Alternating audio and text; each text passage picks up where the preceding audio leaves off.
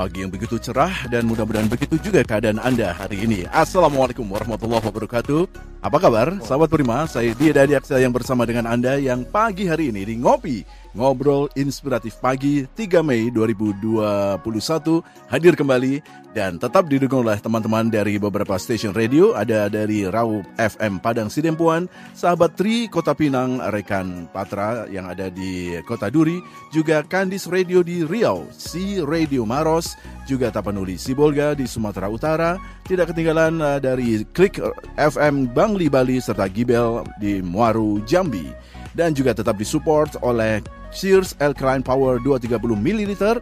Saya pagi ini sampai jam 10 akan bersama dengan Anda, tapi tidak biasanya saya tidak sendirian. Saya tetap bersama teman-teman yang akan menjadi narasumber dan pagi hari ini kita akan ngobrol tentang parenting. Ada Mas Bambang Arianto STCH SCHT MPH. Panjang banget mas.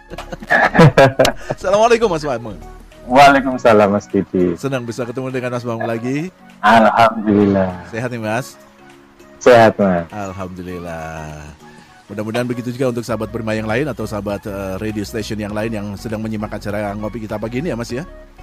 Iya siap. Tema kita pagi ini menarik.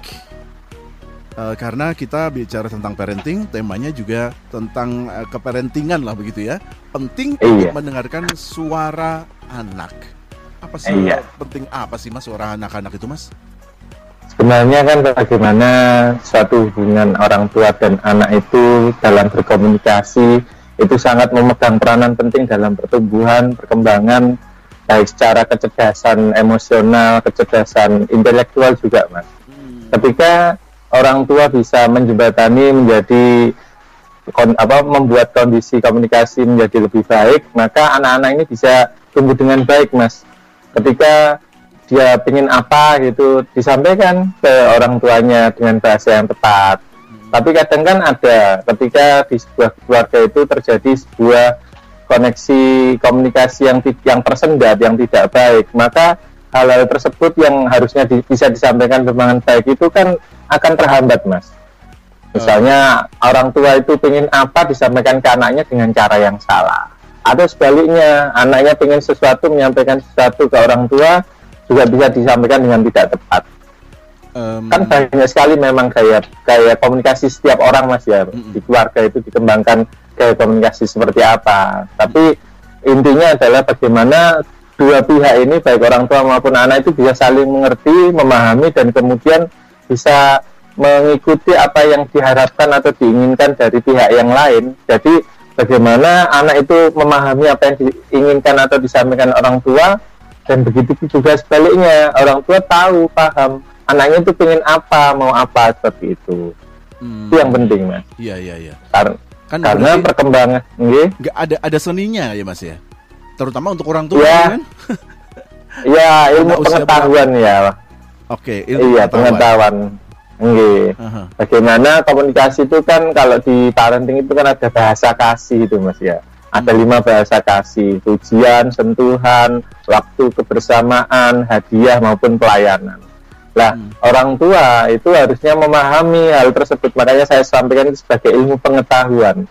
Ilmu itu karena memang harus dipelajari, pengetahuan harus diketahui gitu kan, Mas. Karena ketika itu tidak dipahami dan diketahui orang tua, maka mereka akan bisa saja menerapkan pola komunikasi yang salah. Oh. Jadi seperti itu. Misalnya, seorang anak ini ketika berkomunikasi orang tua ingin berkomunikasi dengan anak, Hmm. anak itu juga itu tadi punya bahasa kasih misalnya dia bahasa kasihnya adalah sentuhan. Pengen pas ngomong pas pas menasehati gitu Mm-mm. itu pengen dipegang, pengen dipeluk gitu kan ada Mas. Orang Iya. yang kayak gitu. iya iya betul Tapi orang tua nganggep pokoknya saya ngasih uang, ngasih hadiah itu udah beres semuanya gitu. Akhirnya ada miss dalam hal ini gitu kan. Hmm. Terus ada bahasa-bahasa yang tak terucap, body language misalnya. Misalnya anaknya ini gelisah gitu, tapi orang tuanya nggak paham. paham Akhirnya cuma marah-marah gitu aja kan Mas. Hmm. Banyak sekali di antara kita orang tua sebagai orang tua itu salah dalam memahami karena menganggap anak itu harus mengerti orang tua.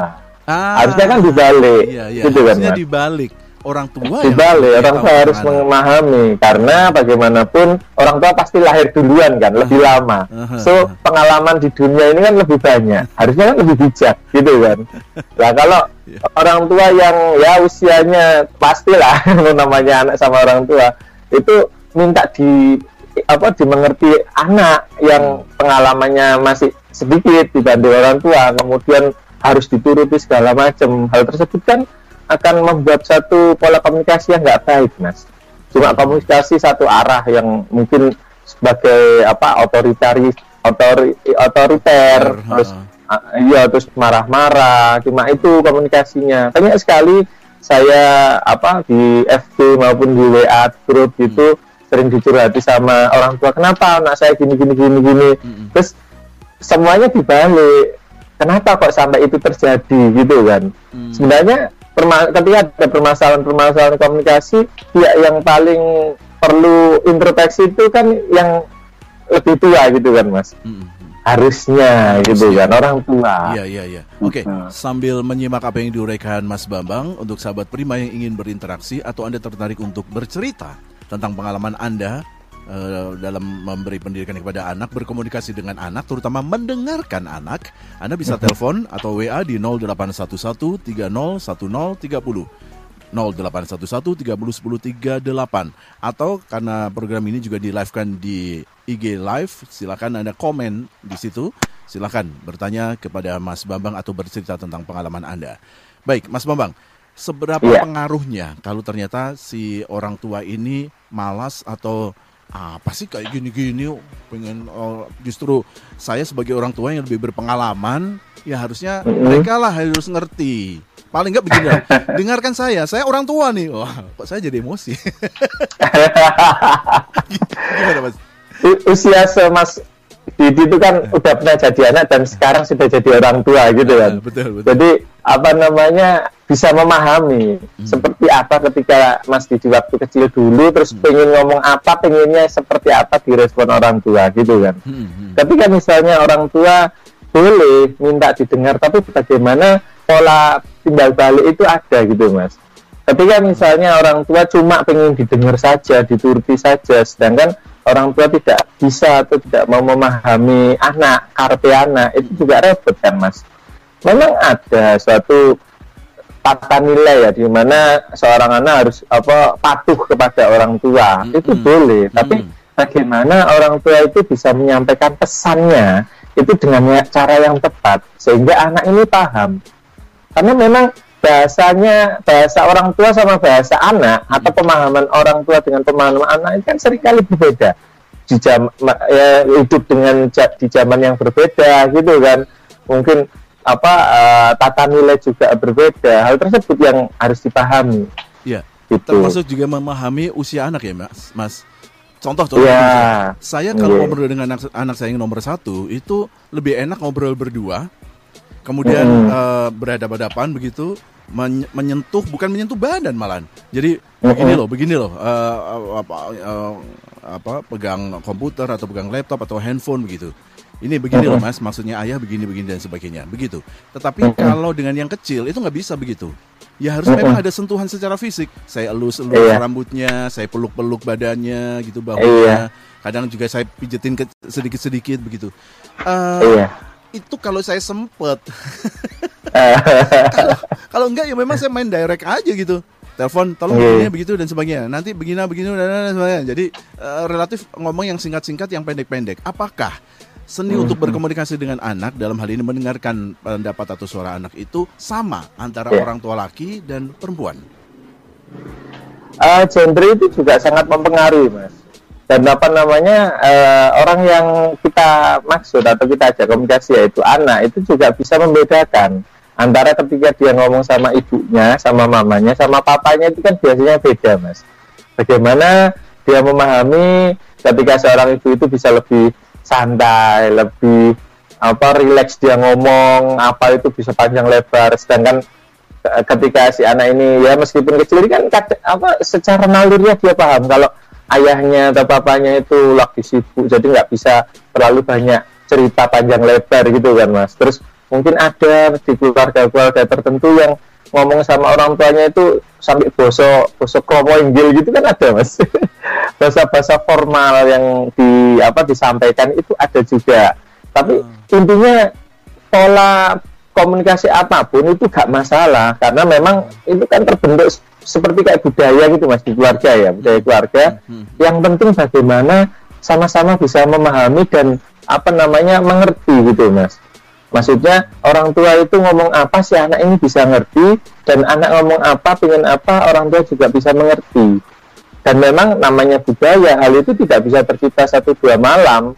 Tapi itu memang ya sejak awal, sejak punya anak terus hmm. apa melakukan komunikasi-komunikasi baik komunikasi verbal maupun non verbal ya itu kayak tadi Mas Didi menyampaikan komunikasi dengan sentuhan-sentuhan body hmm. language kayak hmm. gitu intonasi juga penting seperti itu mas. Karena kadang kita ngomong terus apa namanya intonasi kita agak tinggi anak nganggep papa ini blayer ya zaman ini kayak apa sih pak kok blayer gitu kan. Gitu. Sampai ada kata-kata seperti itu. Ayah nggak asik ini gitu.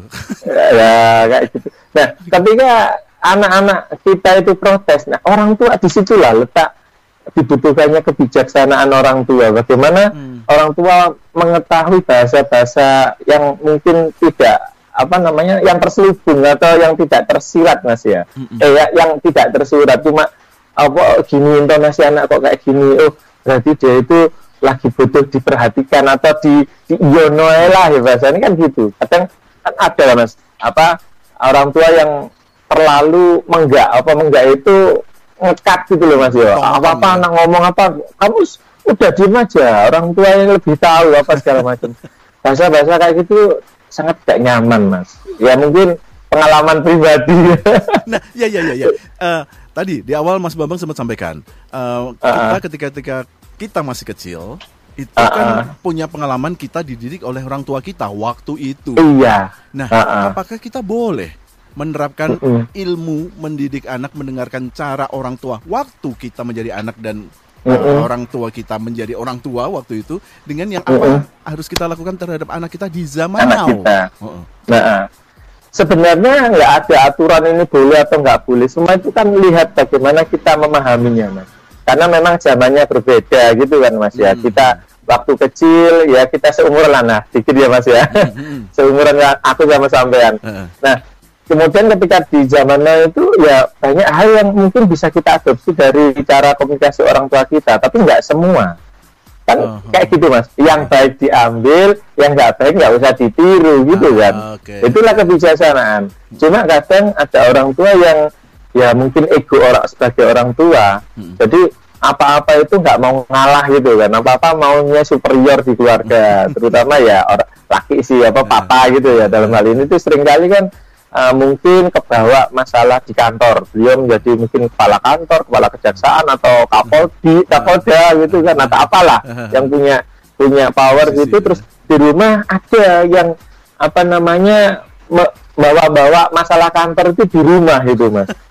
Itu yang agak berbahaya gitu. Kalau kalau pas pola komunikasinya baik sih gak masalah. Tapi kalau misalnya di kantor biasanya bentak-bentak anak buahnya misalnya gitu kan. Karena memang butuh yang kayak gitu terus di rumah juga diaplikasikan belum tentu nyaman gitu kan mas. Betul betul betul. Mas jadi so, so, komunikasi kita iya. dulu karena sudah ada yang masuk di 0811 okay. 30 10 38 ibu ibu ibu Helen.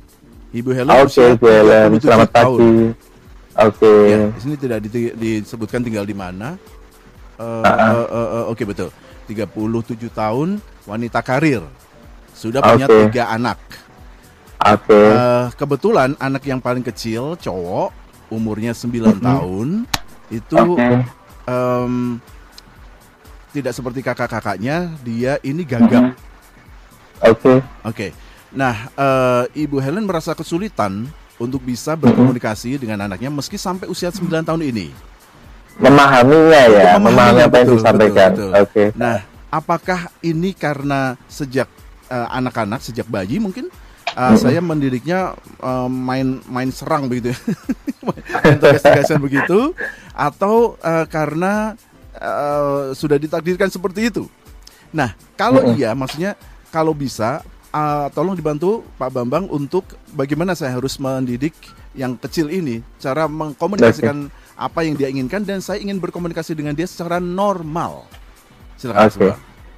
Jadi gini, uh, masalah gagap itu lebih sering kepada kondisi psikologis seseorang. Jadi bukan hmm. genetik mas ya. Oh. Bagaimana? Iya, bukan genetik kalau gagap itu gagap atau speech delay kan banyak sekarang kasus ya mas ya mm-hmm. yang ngomongnya kurang atau penerimaannya kurang gitu terus sehingga orang di sekitar dia tidak bisa memahami apa yang dimaksud gitu kan mm-hmm. nah hal tersebut itu memang harus harus dicari akar permasalahan si anak ini ada baiknya ibu ibu Helen bisa bawa ke psikologi perkembangan anak mm-hmm. sehingga di situ bisa dicari akar permasalahannya kemudian dicari solusinya sehingga bisa menormalkan anak tersebut. Banyak terapi-terapi yang bisa dilakukan untuk kondisi gagap se seperti itu, Mas. Terutama kalau kalau di apa di masyarakat itu hipnoterapi atau mungkin ada silent hypnosis dan lain-lain. Mungkin Bu Ellen bisa nanti menghubungi saya hmm. seperti itu untuk detailnya. Tapi untuk secara secara apa namanya secara umum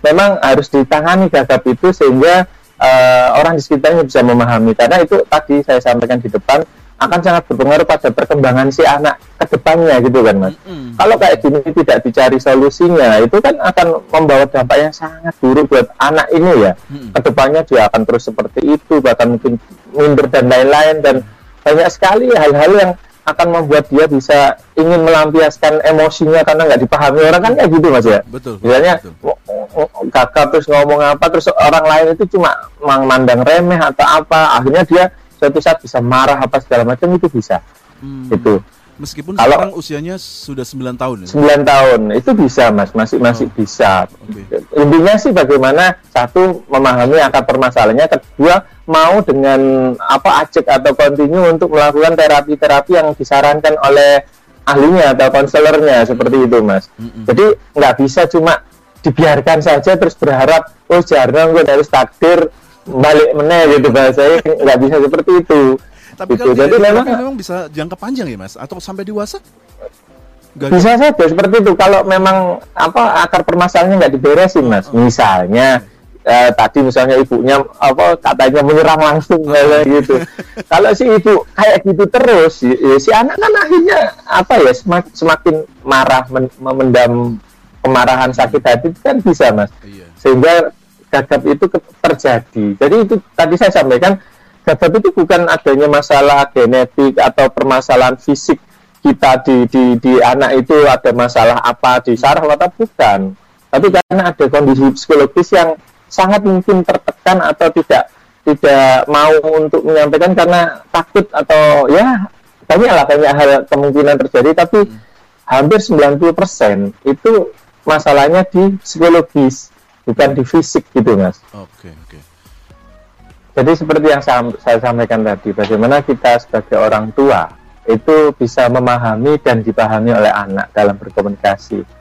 Memang ada namanya seni mendengarkan itu kan ada banyak buku gitu mas ya. Betul betul. Mendengarkan itu kayaknya gampang, hmm. sama kayak kerjaannya konselor gitu kan mas. Hmm. Waktu konseling itu kan sering kali kita itu cuma mendengar ya. Mm -hmm. 80% itu mendengar, 20% kita ngomong gitu kan. Mm -hmm. Jangan dibalik.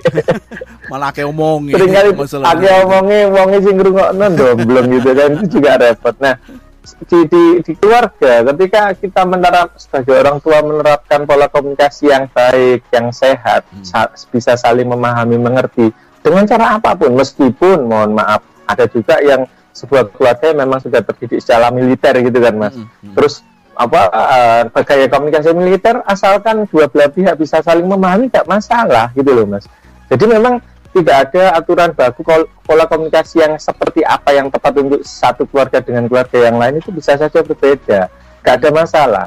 Yang penting anak apa dalam dalam komunikasi tersebut anak bisa memahami dan sesuai dengan apa yang diharapkan yang disampaikan orang tua dan sebaliknya apa pesan-pesan yang disampaikan anak ini bisa dipahami oleh orang tua seperti itu hmm. soal polanya nggak ada nggak ada pola yang baku, baku ya? yang iya. iya yang harus diterapkan pada semua orang enggak hmm. karena memang masing-masing keluarga itu kan punya latar belakang yang berbeda hmm. terus basic pendidikan dan sebagainya gitu kan mas hmm. nggak ada masalah sebenarnya ini yang ada penting, pertanyaan uh, saya okay. saya sisipin ya mas dari bapak okay. Deden Wah, saya dapat Oke, Pak Deden, uh, selamat hubungan pagi.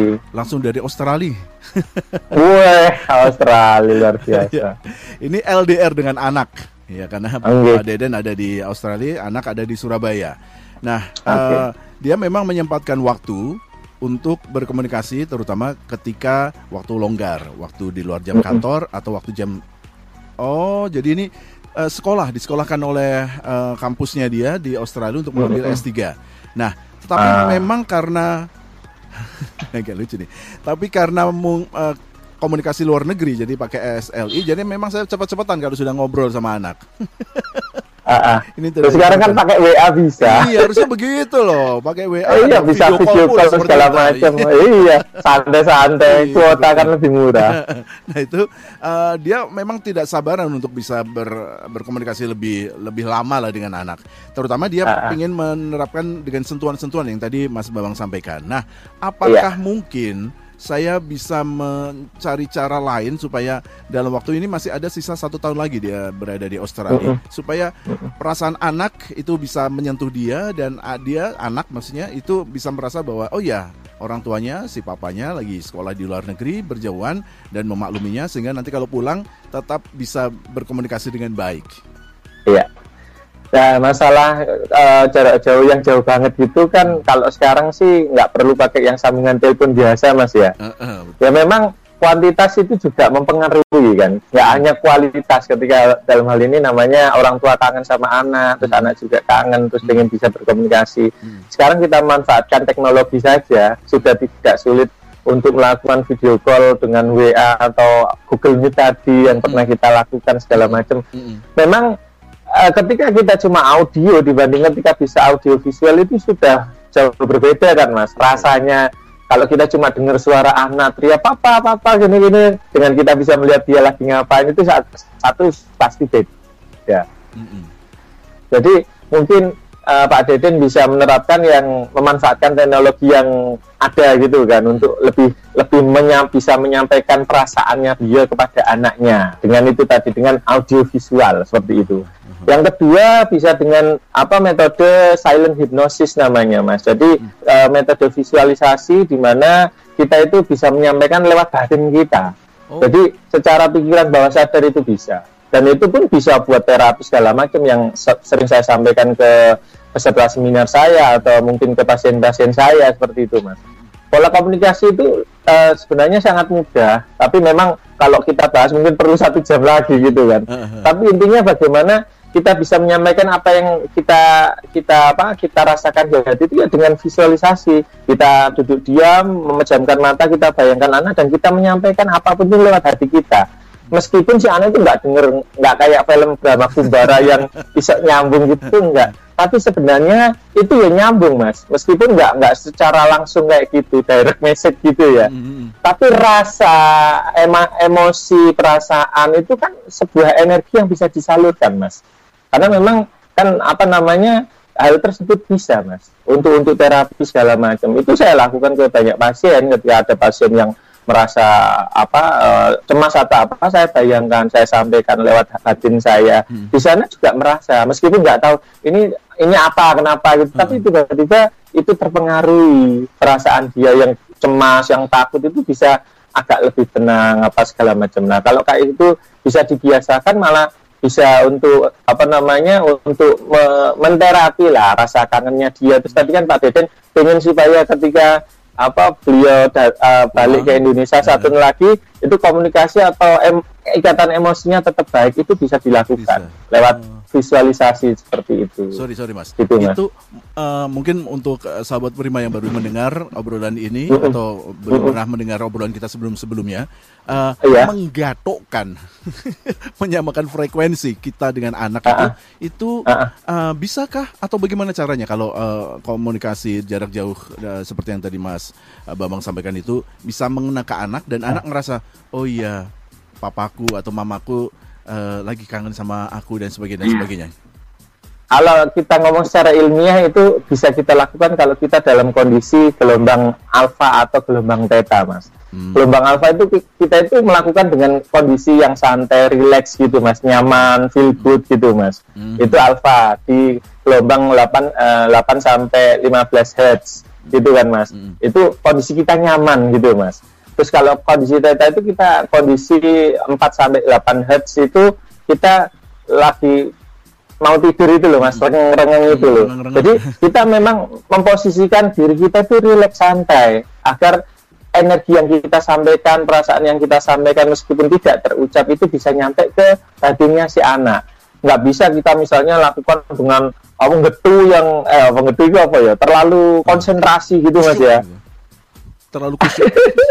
iya terlalu ngoyo gitu terus ha, ha. mungkin bahkan apalagi misalnya dengan marah-marah itu nggak nyambung bahasanya mas. Hmm. Memang itu tadi kondisi kita itu lagi santai, relax, feel good, terus kita bisa bayangkan apa-apa-apa itu bisa. Bahkan metode visualisasi seperti ini bisa untuk menterapi orang lain, menterapi tadi kayak Bu Helen tadi misalnya, Hmm. Yang anaknya gagap itu bisa diterapi dengan cara seperti ini, Mas. Meskipun detailnya nanti nggak bisa diceritakan di sini karena waktunya kan panjang gitu ya. Tapi hal tersebut bisa, Mas. Ada pasien saya eh, apa anaknya apa ngompolan gitu bisa, Mas diselesaikan dalam waktu kurang lebih tiga minggu seperti itu. Kalau sudah ngomong ini saya jadi ingat. Saya pernah dapat tips dari Mas Bambang tentang ini, tentang menghindari Ah, ah. anak untuk su- supaya tidak ngompolan lagi dan itu saya terapkan Ah, ah. dan terbukti, Mas. Iya. Kurang seperti dari satu itu. Karena- bulan akhirnya anak cewek saya sudah nggak ngompolan lagi. Iya, intinya ya memang tergantung intensitas permasalahannya. Kedua, bagaimana se- apa keyakinan kita membentuk suatu energi sambungan energi yang kuat gitu loh, Mas. Mm-mm. Jadi kita harus harus memahami bahwa Allah itu menciptakan dunia ini tuh nggak nggak anu nggak ada yang apa namanya eh, omong kosong atau nggak ada yang sia-sia. Kita bisa memanfaatkan gelombang otak kita itu untuk melakukan semacam direct message. Meskipun si si yang kita ajak komunikasi itu nggak bisa dengar kayak kita sedang komunikasi gini ya ah, ah. tapi rasa kita, pesan kita itu bisa masuk dan tanpa tanpa perlawanan lah bahasanya, tanpa kesulitan itu yang kita inginkan itu bisa tercapai. Misalnya Mas Didi tadi anaknya ngompolan gitu ya, perempuan lagi itu kan agak anu ya miris ya. Ah. Nah, ketika Mas Didi ngomong secara langsung, nah kamu jangan ngompol segala macam. Nah, apa Mas Didi menasihati dua jam sehari selama satu bulan, belum tentu anak itu bisa berhenti ngompol, Mas. Iya. Tapi begitu kita masuk lewat jalur lain tadi, jalur pikiran bawah sadar, tiba-tiba anak itu nggak ngompolan gitu. Ada pasien saya perempuan yang nangani ma- masalah suaminya yang merokok dengan cara itu, Mas Oh, bendino tuh karan bojone ngomong mak pa ojo ojo ngerokok. Oh ini gak ngerti nih aku gak ngerokok ngene ngene ngene gitu. Terus angel lah bahasa gitu kan tuturane.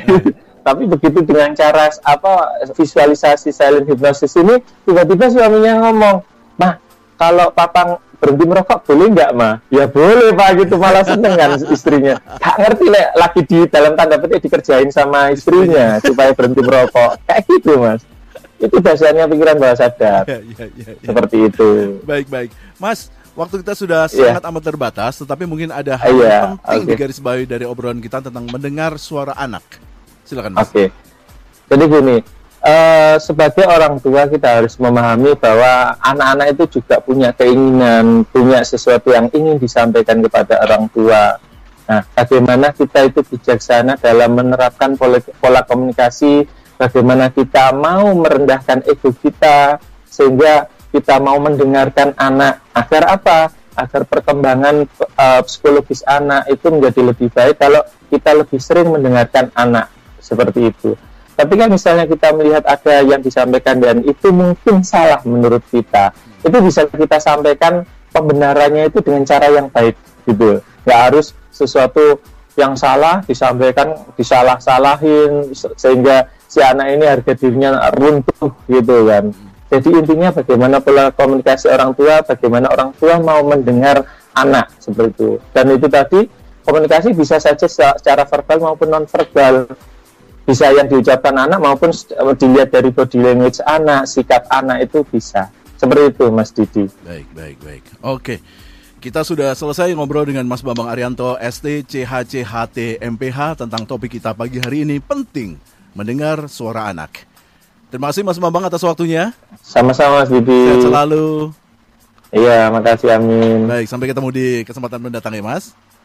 Oke, siap. Assalamualaikum Mas. Waalaikumsalam. Baik, sahabat Prima, selesai sudah untuk acara Ngopi Ngobrol Inspiratif pagi hari ini, Senin di 3 Mei 2021. Saya Didi Adiaksa pamit, terima kasih untuk semuanya yang sudah beratensi. Oh iya, untuk Ibu Helen dan juga Bapak Deden, Anda mendapatkan goodie bag dari Cheers Alkaline 230 mili. Nanti silakan Anda telepon kembali ke nomor hotline Prima Radio untuk mendapatkan atau bagaimana cara untuk mengambil goodie bagnya ya. Baik, terima kasih semuanya. Assalamualaikum warahmatullahi wabarakatuh. 103,8 Prima Radio Surabaya. Musik